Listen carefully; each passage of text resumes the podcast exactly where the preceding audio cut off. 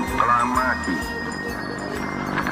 Kami, bangsa Indonesia, dengan ini menyatakan kemerdekaan Indonesia. Setiap tanggal 17 Agustus kita memperingati Hari Kemerdekaan Republik Indonesia. Tapi tahukah teman-teman, ada sejumlah fakta unik seputar proklamasi kemerdekaan 17 Agustus 45. Setelah Jepang menyerah pada sekutu tanggal 15 Agustus 1945 dini hari, kelompok pemuda mendesak Soekarno dan Hatta untuk segera menyatakan kemerdekaan Indonesia. Namun Soekarno, Hatta, dan para tokoh golongan tua masih ragu. Karena perbedaan pendapat ini, para pemuda lalu membawa Soekarno dan Hatta ke Rengas Dengklok pada tanggal 16 Agustus 1945 dini hari. Ahmad Subarjo meyakinkan kelompok pemuda bahwa proklamasi akan segera diselenggarakan selambat-lambatnya tanggal 17 Agustus pukul 12 siang. Soekarno dan Hatta pun akhirnya dilepaskan dan dapat dibawa kembali ke Jakarta.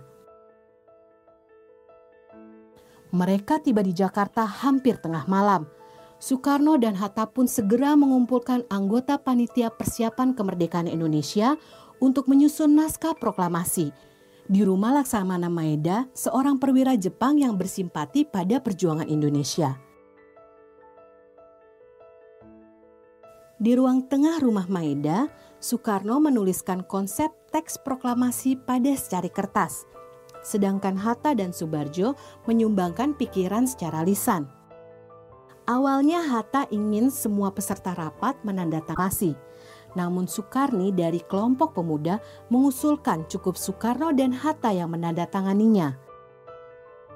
Lalu naskah proklamasi diketik oleh Sayuti Melik dengan tiga perubahan, yaitu mengganti kata tempoh menjadi tempo, wakil-wakil bangsa menjadi atas nama bangsa Indonesia, dan penulisan tanggal menjadi Jakarta hari 17 bulan 8 tahun 05 tahun 05 merujuk tahun 2605 yang merupakan penanggalan tahun Jepang.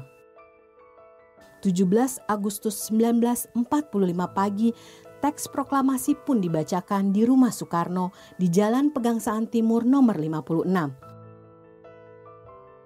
Peristiwa bersejarah itu hanya berlangsung kurang dari satu jam dalam suasana yang sederhana dan khidmat Bangunan asli rumah Bung Karno kini sudah tak ada. Sejak tahun 1960, rumah tersebut diratakan dengan tanah dan kemudian dibangun Tugu Proklamasi. Tugu itu sering disebut Tugu Petir karena di puncaknya terdapat lambang seperti petir.